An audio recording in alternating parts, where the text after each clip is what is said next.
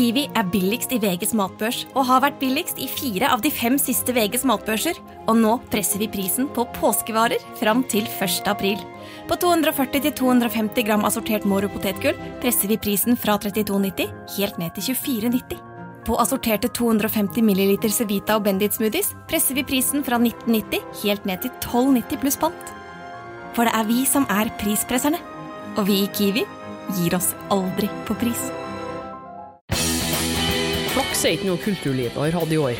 Ole Helstad skulle på turné med Sæver og hadde booka ferdig konsertåret på Revolver, men så kom viruset. Jeg heter Helle Steinkløv, og du hører på Jernverket. Før vi kjører intervju, har jeg en beskjed til. For at Jernverket skal overleve som podkast, trengs det midler, så jeg har vært frekk nok til å opprette ei Patrion-side og en Vipps-konto. Så hvis du vil bidra med noen slanter for å holde Jernverket flytende, hadde jeg satt stor pris på det. Du kan bidra månedlig via jernmerkesida på patrion.com, eller gi en enkeltsum via VIPS nummer 567438. Beløpet er selvsagt valgfritt. All informasjon står nederst i episodebeskrivelser med ei lenke som fører deg rett til kassen. Igjen, tusen takk for alle bidragene så langt, jeg klarer ikke dette uten deg.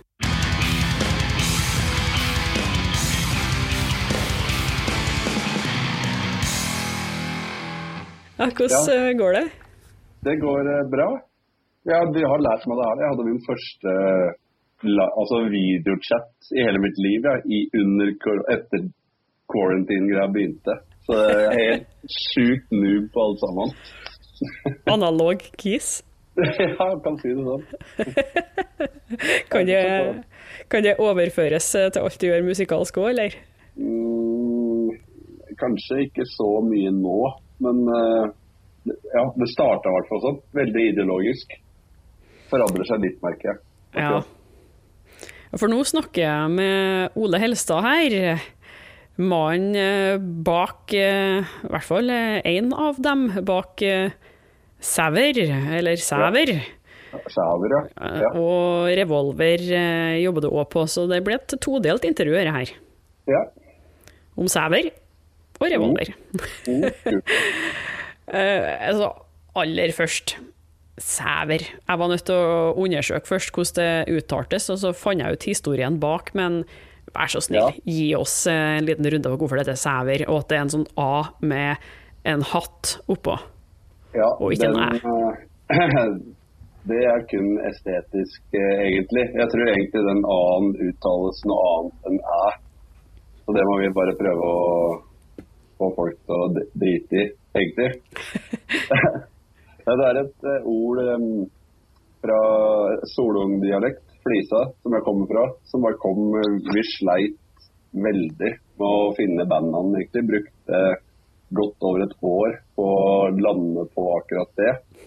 Og det kom helt tilfeldig med at eh, eh, dama til Markus hørte Evelyn sa til en eller annen 'sæver du', 'sæver du', som betyr da 'sover du', liksom. Eh, på fylla antageligvis. Eh, og så bare 'sæver', 'sæver', der har du det, sa Julie da. Og så blei det liksom eh, liggende der, og så vokste det litt på oss, egentlig. Så bestemte oss vel bare noen dager før, eller da Espen Slappgård skulle annonsere det til bursdagen sin på Ajay, da du var DJ, hvis ikke husker helt feil. Ja, jo, det stemmer det, når han hadde Ja. runddag og store Ja, ja, ja. ja. Det var liksom den første giget, så jeg tenkte ok, nå må vi bestemme oss for ett navn. Så før det så lente det mest mot tomt. Som i den norske void, på en måte, eller empty. Det første Men, jeg tenkte på, var liksom går og bruksnummeret. ja, ja, ja, ja. Jeg har fått litt feedback på akkurat det. Så vi er glad for at det endte med Sæver. Og den A-en var egentlig den hatten for at det vi syns det ser fint ut, eh, versus eh, en æ. Og lettere for utenlandske folk å skrive som ikke har norsk tastatur. Å skrive, men ikke si. Men altså, ingen utlendinger klarer å si noe som helst på norsk, og i hvert fall ikke på solung. eh. Nei. Og det var første konserten, den på hva var det, 45-årsdagen til en Espen? Fra Ja? Fem. Ja, Jeg husker ikke, kanskje 45, ja. 35, tror jeg vi sier for ellers. Ja. Espen, du ser ikke ut som en dag over 19. Nei, langt ifra. Ja. Ja, det var den aller første live opptredende, faktisk. Det var det. Men hvordan ble den aller første liveopptredenen på en jobbursdag? Må ha snoka til seg at uh, dere holdt på å ja, eller, koke musikk? Espen sendte vel meg en melding og, og ville vel helst ha en sånn Tombstones uh, reunion-gig da.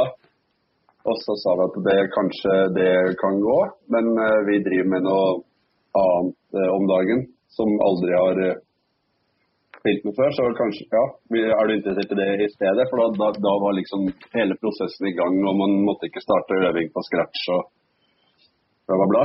Så da var han interessert i det, og så ble det det. Mm. Ja. ja. for Det òg må vi jo snakke litt om. Det er ikke nødvendigvis alle som vet det at uh, Sæver består av kun Tombstones-folk.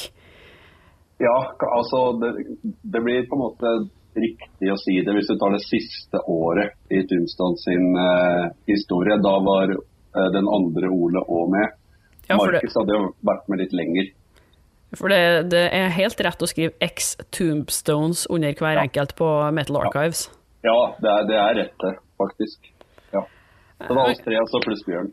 Hva var det som gjorde at uh, Tombstones uh, la inn varene og de bestemte dere for å begynne med et nytt band? da?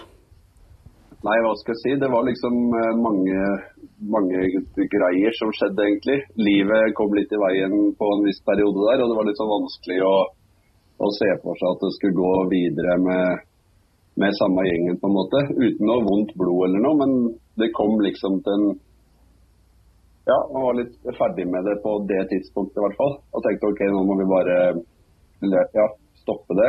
Og så frista det noe jævlig, egentlig, i den, spesielt i den sjangeren som vi drev med da. Å starte litt på blanke ark og slippe å ha med seg uh, alt som skjedde på plata for åtte år siden videre. Og bare starte med litt sånn fresh ground, egentlig. Med litt nytt uh, uttrykk. da. Jeg var jævlig interessert i det, egentlig, for å være helt ærlig. Ja, mener jeg så en plass at uh, du sa det handla litt om å rive seg løs fra denne Stoner-merkelappen òg, men det har vel ikke bare vært enkelt, for navnet altså blir jo fort knytta til det, og det her er jo sånn Stoner-band, men ja, det er jo ikke helt det. det. Nei, jeg syns ikke det er noe Stoner i det hele tatt, og det syns jeg liksom Tombstone slutta å være òg, på siste plata. Selvfølgelig erkestående-band i starten. Men uansett hvor mye man prøvde på noe nytt, så var det liksom, var man alltid et stående band. Så for å gå tilbake til det i stad, så ja, det var liksom en stor, stor grunn. Men eh, ja, Sæver har lite stoner-elementer i seg, altså. Det skal sies. Men man blir liksom plassert i den store doom bagen uansett, så da drar jo folk sine egne konklusjoner. Det er så mange subsjangere så det er vanskelig å holde tunga rett i munnen, egentlig. Ja, det er jo det. Jo, jo flere av dem det blir, jo mer pretensiøst blir det ellers. Og jeg tar meg sjøl i hvert fall å bli veldig sånn eh, enten gammeldags eller elitistisk, og så holder jeg for nesen med en gang jeg ser ordet sludge og post. Hva tror du er grunnen til det? Nei, jeg vet da søren. Kanskje de to navnene som, de to navnene som blir brukt mest med sæver, i hvert fall. Ja ja. Nei, så merkelapper det er ikke bare enkelt, altså. Nei, det er dritvanskelig. Men nå har vi jo nevnt at uh, det bandet her består av deg. Du driver med bass og vokal. Og så ja. har vi en stykk Ole T på ja. gitar, vokal og synt.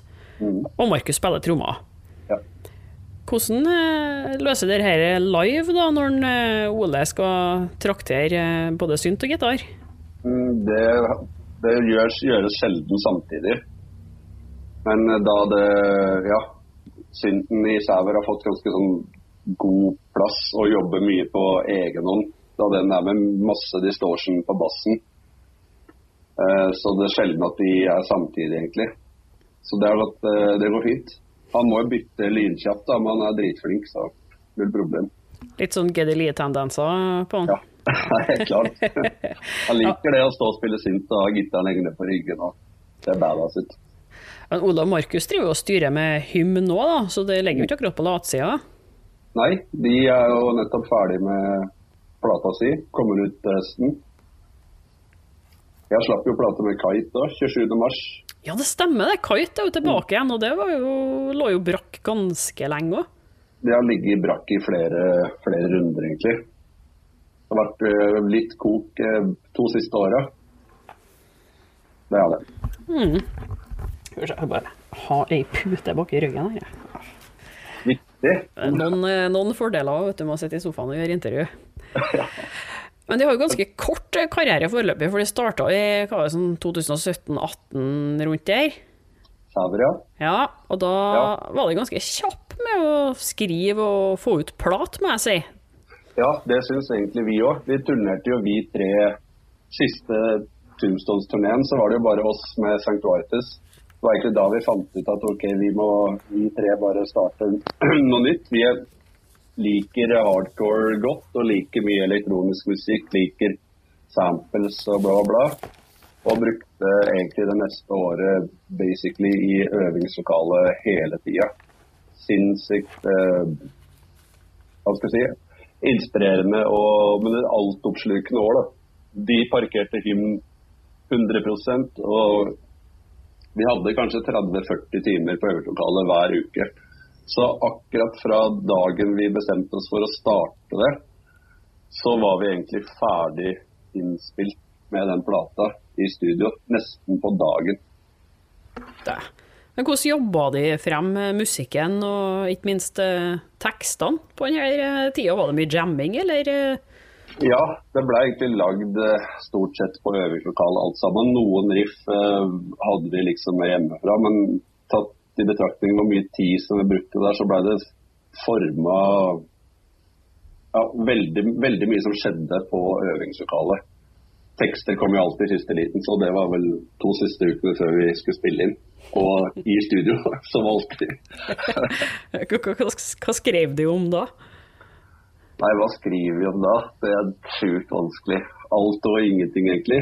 Men det var Prøvde liksom å ha et tema om Å, herregud, så kleint å prate om. Nei! Jo. Nei, men liksom å på en måte dra og bare legge ting bak seg. Bare tre personer som bare stikker opp til space, egentlig, og koser seg.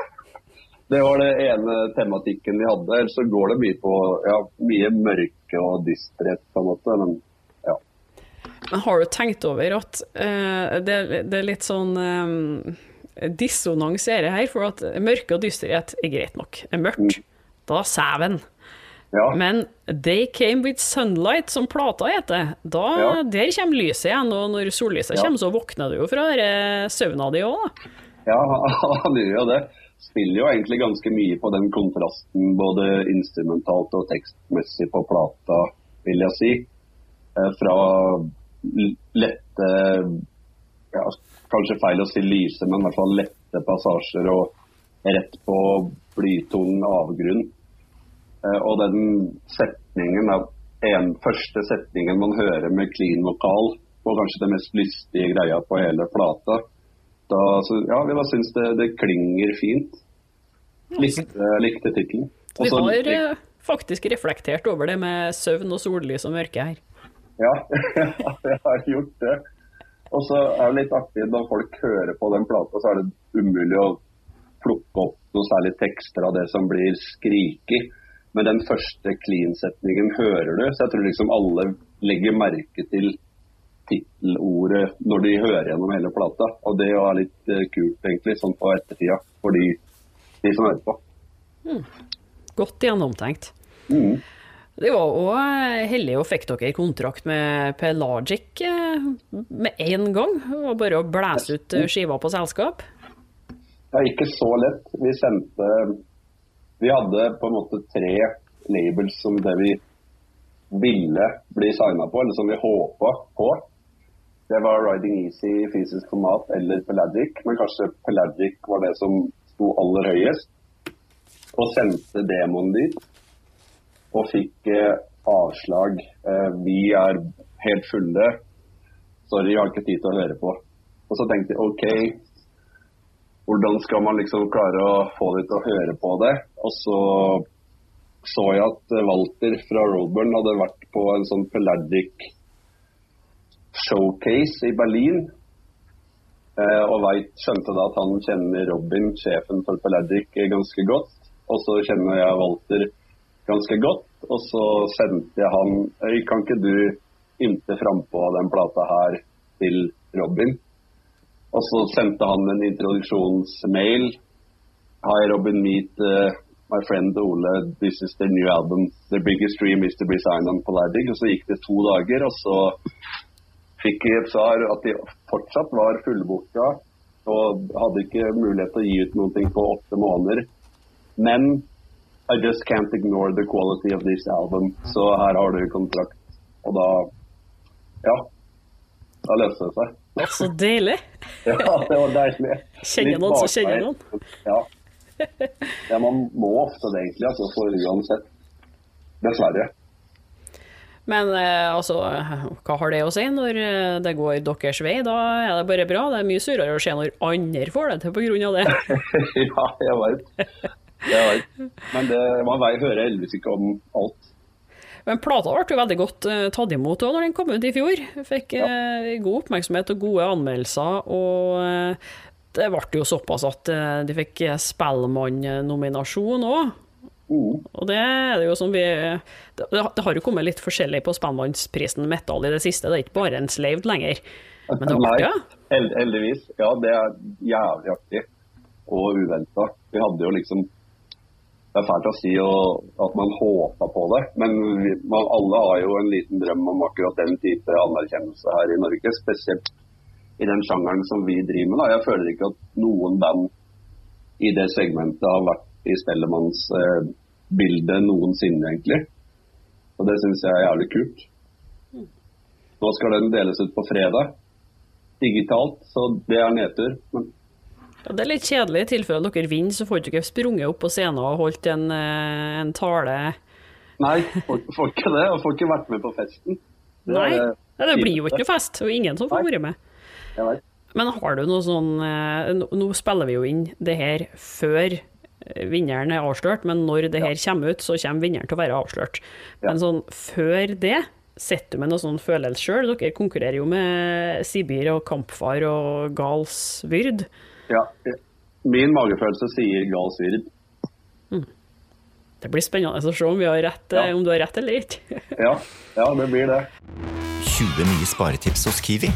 Mitt sparetips er nyheten fra First Price. Store tortillalefser. Garantert billigst i Kiwi. Nå får du First Price store tortillalefser til 29,90. First Price kjøttdeig av svin uten salt og vann til 29,90. Og mange andre First Price-nyheter hos Kiwi.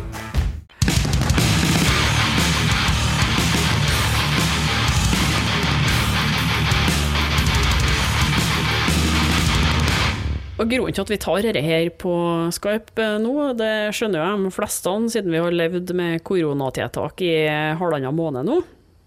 Og det har jo gått utover dere som band òg, for jeg forsto det som at dere var allerede ute på veien på en europaturné når dette begynte å skje? Det stemmer. Vi, vi hadde, skulle ha første konserten den 11. mars. Og, men da begynte liksom ting å bli ganske koronaaktuelt i Europa. Det skjedde sjukt mye på den uka, egentlig. Og vi hadde et møte kvelden før, for vi hadde egentlig først bestemt oss for å bare droppe å dra. Men så er det så mye utgifter inne i bildet, og vi hadde søkt Music Norway om støtte, bla, bla, bla, og antok at vi kanskje kom til å få det. Og da, hvis på en måte vi tar avlysningen på vår kappe, så, jo, så får man jo ikke de penga. Og hadde tett dialog med booking agencyen vår, og de sa til oss ok, de hadde fått go fra alle promotører, bortsett fra den første gigen som skulle være i Slovakia. Den ble ikke noe av, men alle de andre kom til å skje. Det fikk vi beskjed om på kvelden den tiende mars. Og da ok, da hadde vi et møte. Da hadde vi, vi bestemt oss for egentlig å ikke dra, men greit, da drar vi. Eh, og kommer og lander i Krakow, hvor vi skulle bli plukka opp da. Og så fort vi liksom får signal på mobilen igjen og står og venter på bagasjen, så får vi en mail fra booking. Ja, ok, alle de fem første gigsa i Øst-Europa er avlyst, bortsett fra Budapest. Som skulle være da den tolvte. Så ja, og da bare raser verden litt sånn sammen, egentlig. For da har vi dratt med oss sjukt mye utstyr ned dit. Og ja, må slå i hjel fem, fem, dager først, da, for det står at fortsatt alle de giggene i Vest-Europa de kommer til å gå som planlagt. Så da drar vi til Budapest og så leier oss inn på et hostell der og tenker ok, da får vi bli her noen dager, da. Det er billig å bo der. Og eventuelt dra til noen man kjenner før det skal begynne med gigs i Tyskland. Men så fort vi kom dit, så stenger bare land etter land rundt Ungarn grensene sine. Og sjåføren vår, som da var fra Tsjekkia, han OK, jeg, jeg, må bare stikke hjem til Tsjekkia, så han bare dro. Og der hadde de Ja, de, de, stengte, så kom du inn, så kom du ikke ut igjen. og hvis vi hadde på en måte en backup-plan. I og med at vi hadde en van, så tenkte vi at worst case scenario så kan vi faktisk kjøre hjem til Oslo og tenkte at det kom til å være mulig lenger enn kanskje flytrafikk. Men det var jo motsatt. Ja, det var kanskje det? Ja, det var faktisk det. Man kom seg liksom inn i et land, men du kom deg ikke ut igjen. Og da vi var i Ungarn, da, så måtte vi gjennom noen av de landene som var stengt, da, for å i hele tatt kunne komme oss til Skandinavia. Uff. Så det var krise, men den ene gigen i, i Budapest skjedde i hvert fall. På et annet lokale, eh, vel å merke. I en sånn øvingskjeller et eller annet sted med 100 personer. Men det, det var jo kult. Og så etter det så handla det bare om å få, få, i gang penger til å komme seg hjem igjen, egentlig. Med 17 collie og all merch og ja, krise. Ingen inntekter inn, bare alle utgifter. Så det var kjedelig.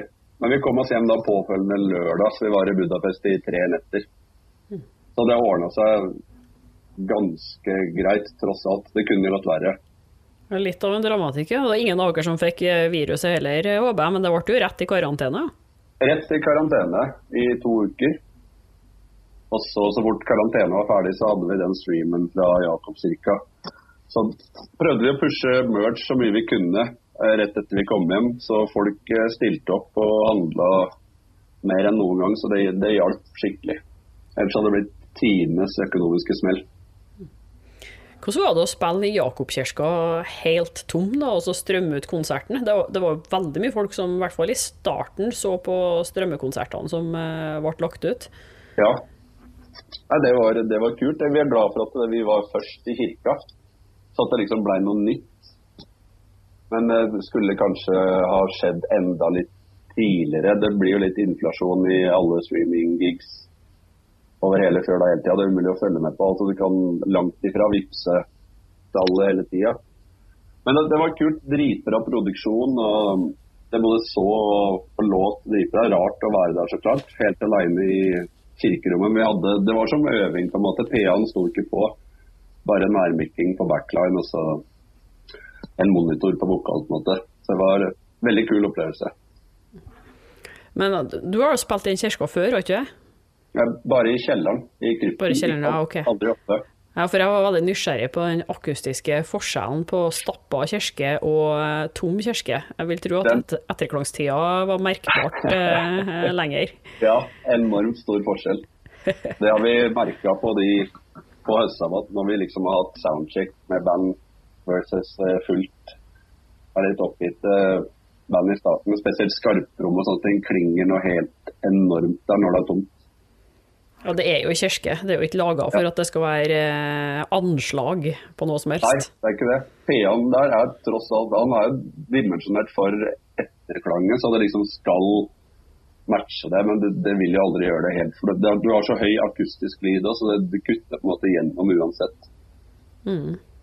Men, men eh, altså, nå har du jo egentlig fortalt en sånn ordentlig eh, dramatisk eh, bandhistorie. For jeg bruker jo å spørre alle bandene om de har noen gode historier å fortelle. Ja. Eh, har du noe annet moro på lager fra tida med Sæver? Uh, nei, med Sæver så har vi jo bare vært på to turneer, egentlig. Så det har gått ganske ryddig for seg, faktisk. Blir jo litt uh, eldre vi òg, heldigvis. Eller jeg i hvert fall. Jeg er fortsatt litt yngre de to andre. ja, Tombstones, da? Hva er det ja, gull der? Litt, litt mer uredde hendelser der innimellom, ja. Nå knekte jeg armer og bein og ja, mye rart. Kan jeg spørre hvordan det skjer? Nei, det er uflaks. Det er kun uflaks. Men det, det Men med Tunstall så har det liksom skjedd uh, enten Ja, under Ja, vi hadde jo da vi var på turné med Witch Mountain, så klarte jo Det er uflaks, faktisk. Så klarte Bjørn å dette ned fra en stige og knekke håndleddet sitt på to steder. Men spilte gig samme kvelden med modifisert gips, sånn at altså hendene, altså fingra kunne bevege seg, men ikke selve håndleddet. Og da husker jeg det var i Gras i Østerrike. Og vi hadde jo dritdårlig tid, for vi skulle til eh, Åh, vi skulle til Bologna i Italia. Dritfin kjøretur, men hadde, det var stress. Så for, og sjukt stressende alt. Alt er dritvondt, og du merker at ting er knekt. Og så skal videre, så måtte vi være inne på et sykehus og fake tidenes nødsituasjon. Og bare legge oss ned på, på gulvet og skrike så får de bli tatt inn først. Det funka. Vant de konserten i Bologna? Uh, ja, vi gjorde vel det, tenker jeg. Eneste band vi gikk, i hvert fall. Nydelig. Nydelig. Ehm, men nå som eh, de fleste av oss sitter, eller i hvert fall burde isolere seg sånn eh, noenlunde for å få samfunnet i gang igjen etter hvert, ja. kjenner du på sånn boblende kreativitet uh, musikalsk? Får de skrevet noe musikk, eller blir det bare å sitte i sofaen og se på TV? Ja, det blir jo mye sofa, sofasliting, det blir det. Men vi skal faktisk dra opp på småbruket vårt nå i helga for å ja, skrive mest mulig, få mest mulig skisser ned til neste Sauer-plate. Altså ta med litt basic utstyr og lydkort og Mac og rigge opp der. Og få gjort mye på tre dager konsentrert sammen. Husk på to meters avstand, da. Nei, det er gruppe på tre, så da går det bra. Vi er gruppe på tre, og så trøster vi oss med det at vi var liksom sammen veldig tett helt til vi ble satt i karantene. Så ja. Det får stå sin prøve. Det er ingen som ser det oppe i skogen der uansett. Men du sa småbruket deres. Hvem... Ja, eller mitt og Evelyn sitt. da. Åh, Ikke ja. Sitt, nei. Nei, eh, det hadde vært litt kult hvis dere hadde et eget. Ja, men det er litt dems òg. Ja. ja. Det. Jeg trenger det. Ja. ja. Det er godt å høre, så da kommer det kanskje noe ny musikk ut av dette her, i hvert fall. da. Det kommer det garantert til å gjøre. For jeg så jo at eh, de for bare kort tid siden annonserte at det kom til å bli noen konserter i Europa i sommer, men det er jo utsatt ytterligere nå, så det er vel ikke noe sjanse for at det blir noe turné i år, selv om jeg ser at de har letta litt på det i enkelte ja. land. Ja. Nei, jeg veit da søren. Vi har eh, vi måtte jo avlyse den turneen med Belsevåg som var da i mars. og den har jo, Vi har fått booka nye datoer i, i, slutten av november og begynnelsen av desember. Men eh, det er ikke annonsert ennå. For det er ingen som kjøper noen billetter til noen ting for tida. Så må bare vente og se hvordan det utvikler seg, egentlig. Den våren her er krise. Vi skulle vært på Desertfest i Berlin nå til helga. Og så skulle vi spilt i på Vega i København neste torsdag. Og Blå 16. mai og en turné til fra 28. mai og ti dager. Flere gigger med, med, jobb og tre festivaler som er dritkule. Så det er sjukt meter hele den våren. Ja, det er trist, eh, det er trist. men altså, alle er jo i samme båt. Så det eneste ja. vi krysser fingrene for, er at festivalene klarer seg til neste år, og at de bare kan ha akkurat samme plakatene igjen. Ja. For det å skulle legge ned arbeid på å booke alt på nytt igjen og sånt. Dere er jo her, venter. Ja, man gjør det. Så, og på akkurat den sommeren og våren her, så er liksom arrangører og band egentlig i akkurat samme, samme båt. Det, det, blir avlyst i, i, i, begge ender på, i like stor grad. Så jeg tror det er stor mulighet for at ting bare kan ja, gjøres helt klin likt neste år. Og med det kan vi jo gli sømløst over i eh, det andre arbeidet du eh, legger ned om dagene. og Du Ja. arbeider jo med Høstsabbat festival, og du tok over som bookingansvarlig på Revolver etter en eh, Ben Sand som har vært her i 100 år. Ja, Og det var jo ganske rett før eh, krisa. Det var ikke 1. mars du begynte i jobben der? jo. Det er så Jeg vet, jeg vet hva jeg skal si om den våren her. Jeg hadde jo hatt en annen jobb i 20 og et halvt år. Og bytta da 1. mars, så var det én uke og to dager, og så rett i permittering. Det er helt On, liksom. Det går ikke an. Nei, er- altså, det, man kan jo flire av det, men det er jo eh, tragisk. Det er tragisk. Hvordan eh, hva, Rakk du å gjøre noe, altså booke noe, eller få opp noen lister, i hvert fall mentalt, over ting du hadde lyst til å gjøre Ja. utover? eh? Den hele våren her var egentlig helt uh, ferdig booka til midten av juni. Masse kule ting. Morgen skulle Moth ha spilt, f.eks. på Revolver. Ja. Men alt, eh, alt var liksom ikke annonsert. Jeg hadde en sånn teori med at det er ikke noe vits i bare blåse ut alt. Bare ta litt at de geeksa som er nærmest for, for eh, mest mulig fokus. Så et sjukt bra program hele, hele våren. Dritbra opplegg på Musikkens dag. Uh, ja, jævlig bittert egentlig. Big Business uh, skulle vært nå i mai. Avlyst. Masse kule gigs. Det er nitrist akkurat det. Jeg så at de har letta kanskje litt på at det muligens skal være gående å arrangere med så og så få folk. Og Revolver er jo lite, men samtidig er det Ja. 150 stykker der, så er det jo fullt. Det er akkurat det. altså det, det taler på en måte mot sin hensikt å kunne få lov til å ha 100 kapasitetsgigs, men ikke 800. Det er jo mye trangere. Mye, folk er mye tettere på de små klubbkonsertene. Men jeg håper jo i det lengste at, at det går. At det i hvert fall litt mot, mot høsten. At det skal gå an å ha noen konserter. Altså Hvis folk ikke er idiot og faktisk eh, vasker hendene sine og klarer å holde litt avstand, så skal jo dette gå bra. Men eh, jeg har jo lyst til å kaldkvele folk jeg møter på butikken hver dag, som går og klør seg i ræva og i nesen og gnir seg inntil langs butikkhyllene. Ja, jeg veit. Jeg tenker at det, det samfunnet går bare i den retning at folk bare må ta, være bevisst eh, risiko med egen atferd, egentlig. Og så tar du sjansen, så gjør du det. Hvis ikke så må du bare holde deg hjemme. Hva med høstsabbat, da? Har det tatt noe Altså, det blir jo sikkert ikke noe av det heller, men det har de. Vi, vi håper jo fortsatt, da, for det, det er 2. og 3. oktober. Jeg tenker jo liksom at det er så lenge til at det, det bør, bør gå bra, men sånn som ting utvikler seg, så ja det er helt klin umulig å si. Nå er jo forbudet først og fremst til 1.9, og på høstsabbat så er jo kapasiteten ikke så langt unna 500.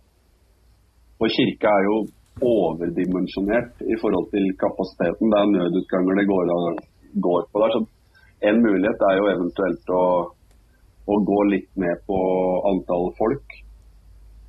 Og kanskje kutte ut eh, verkstedet f.eks. Som i fjor er den trangeste scenen. Ja, jeg veit ikke, nå tenker jeg bare høyt. Det er ikke noe jeg sammen med Jens. Men det, det går an å liksom snirkle seg rundt noe reglement på en måte på høstsabbat. I og med at kirka er så stor da, og kapasiteten, billettsalget er ikke så langt over 500. Nei. Og kanskje bare basert seg på mest norske venn, for vi vet jo ikke om Det kan jo hende at de åpner for arrangement, men at grensene ikke blir åpna. Enten hit eller fra andre land. Ja. Så det er rart. eh, Rare tider. Ja, veldig rare tider. Men Nå ser man liksom ikke noe ende på det heller akkurat nå. For jeg føler at det bare blir eh, dytta lenger og lenger ut i horisonten. på en måte. øh, jeg, kan jeg spørre om hvordan det går? Altså, Hvilke følelser sitter du med? Hvor lenge klarer dere her? Tror du, tror du at de kan overleve hvis dette fortsetter i måned på måned? Nå får jeg jo uteplassene Jeg eller revolver? Revolver tenker du på? Ja, jeg håper nå ikke du eh, tar og hopper utfor et stup eh, med det første, men jeg tenker jo på sånn revolver og eh, søsterbarn, eh, kniven og Ja, De var jo først og fremst avhengig av den, den, altså den krisepakka, da, at det, myndighetene dekker løpende utgifter helt til noe annet er aktuelt, at de kan ha åpent, det, det må jo forlenges. Det gjelder absolutt alt som er av utesteder i Oslo, tror jeg. Og sånn som det funker nå, så jo, er jo det ganske greit. De dekker vel 80 eller et eller annet av løpende utgifter. Så har det jo vært, Folk har, vært, har stilt opp på den bidragskampanjen til både Revolver og Kniven og det nye bryggeriet som Dan har satt i gang. Så det er sjukt eh, fett å se. Og så tar jo Nav seg av eh, permitteringsutgifter. Så hvis de løpende utgiftene som man ikke kommer unna, kan liksom bli kutta litt ned på, så bør det jo være liv laga. Men hvor lenge er helt umulig å si. Jeg har ikke jobba i den businessen lenger, så jeg er ikke helt rette person til å uttale noen deler, egentlig. Jeg krysser fingrene, for det høres ut som det er en, en viss positivisme foreløpig. Så da får vi bare håpe ja. at uh, vi har råd til å gå på byen igjen når dette er over, da. Ja, det er en annen ting òg. Kjernepublikummet er jo permittert i huet og ræva stort sett. Så. Ikke ja. alle, men, men mange i hvert fall. Ja, og så har man lyst til å bidra, og så blir man permittert sjøl, så har ikke du ja. mulighet til å sette over 500 kroner til favorittbarn. Det er jo Du har ikke det, faktisk. Men jeg har tenkt mye, mye, på det der, og at hvis samtlige barer i Norge skulle gå konkurs her, så er det jo ingen der som har noe startkapital til å begynne med noe nytt heller. Og McDonald's og Espresso House kunne ikke åpne opp overalt. Nei, de kan ikke det. Ja, Så da er spørsmålet Kanskje kunne vi fått ei løsning der man kan starte uten nesten noe som helst penger, og bare skifte navn på AS-et og kjøre på med akkurat det samme? Ja Spekulasjoner fra min side, men eh, Det er sikkert mulig, det. Er det ikke derfor folk har AS-er? Jeg skulle jo tro det, da. Det er jo derfor eh, man kan slå seg konkurs, og broren og faren og sånn ja, ja. ta over etterpå. Det. Nei da, men jeg tror at det Oslo kommune er såpass klar over viktigheten av kulturlivet i byen at jeg, jeg tror de strekker seg langt for at det, det fleste kan overleve. Altså. Jeg tror det.